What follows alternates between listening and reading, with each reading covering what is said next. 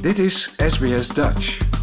Op sbs.com.au slash Dutch staan nog meer interessante verhalen.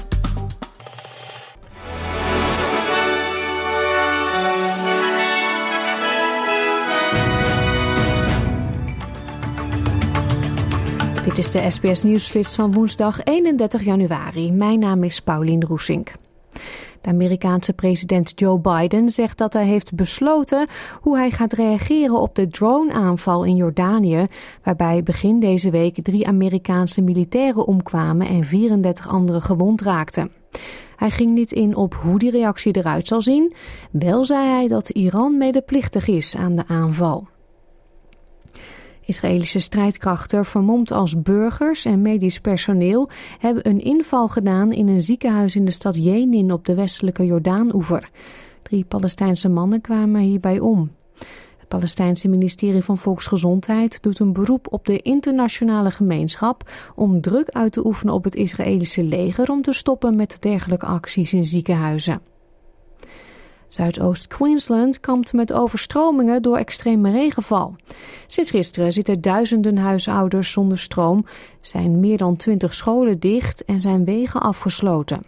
Ook werden er 39 reddingsacties uitgevoerd.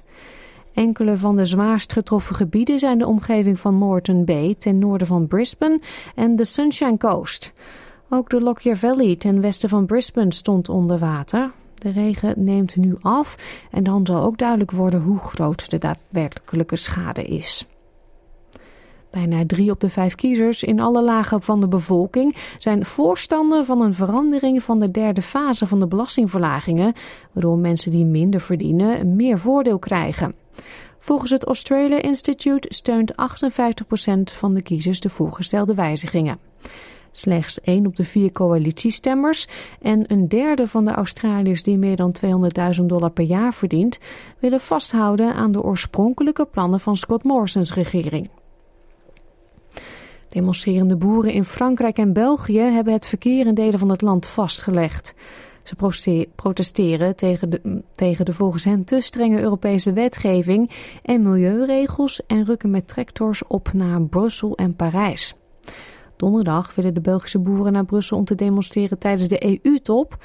De top zou gaan over steun aan Oekraïne, maar lijkt te worden gekaapt door de boeren. Demonstraties in verschillende Europese landen. En in Nederland dan wil een meerderheid van de Tweede Kamer dat Lelystad Airport niet meer open gaat voor commerciële vluchten. Een voorstel, voorstel van de Partij voor de Dieren kreeg steun van GroenLinks PvdA, NSC, SP, D66, BBB, CDA, ChristenUnie en Volt. De Kamer vindt dat onder meer vanwege het klimaat, de volksgezondheid en de schaarse zogeheten stikstofruimte het niet meer verantwoord is om burgerluchtvaart te starten op die locatie. Tot zover deze nieuwsflits. Volg de SBS Dutch podcast voor meer nieuws en achtergronden of bezoek onze website www.sbs.com.au/dutch.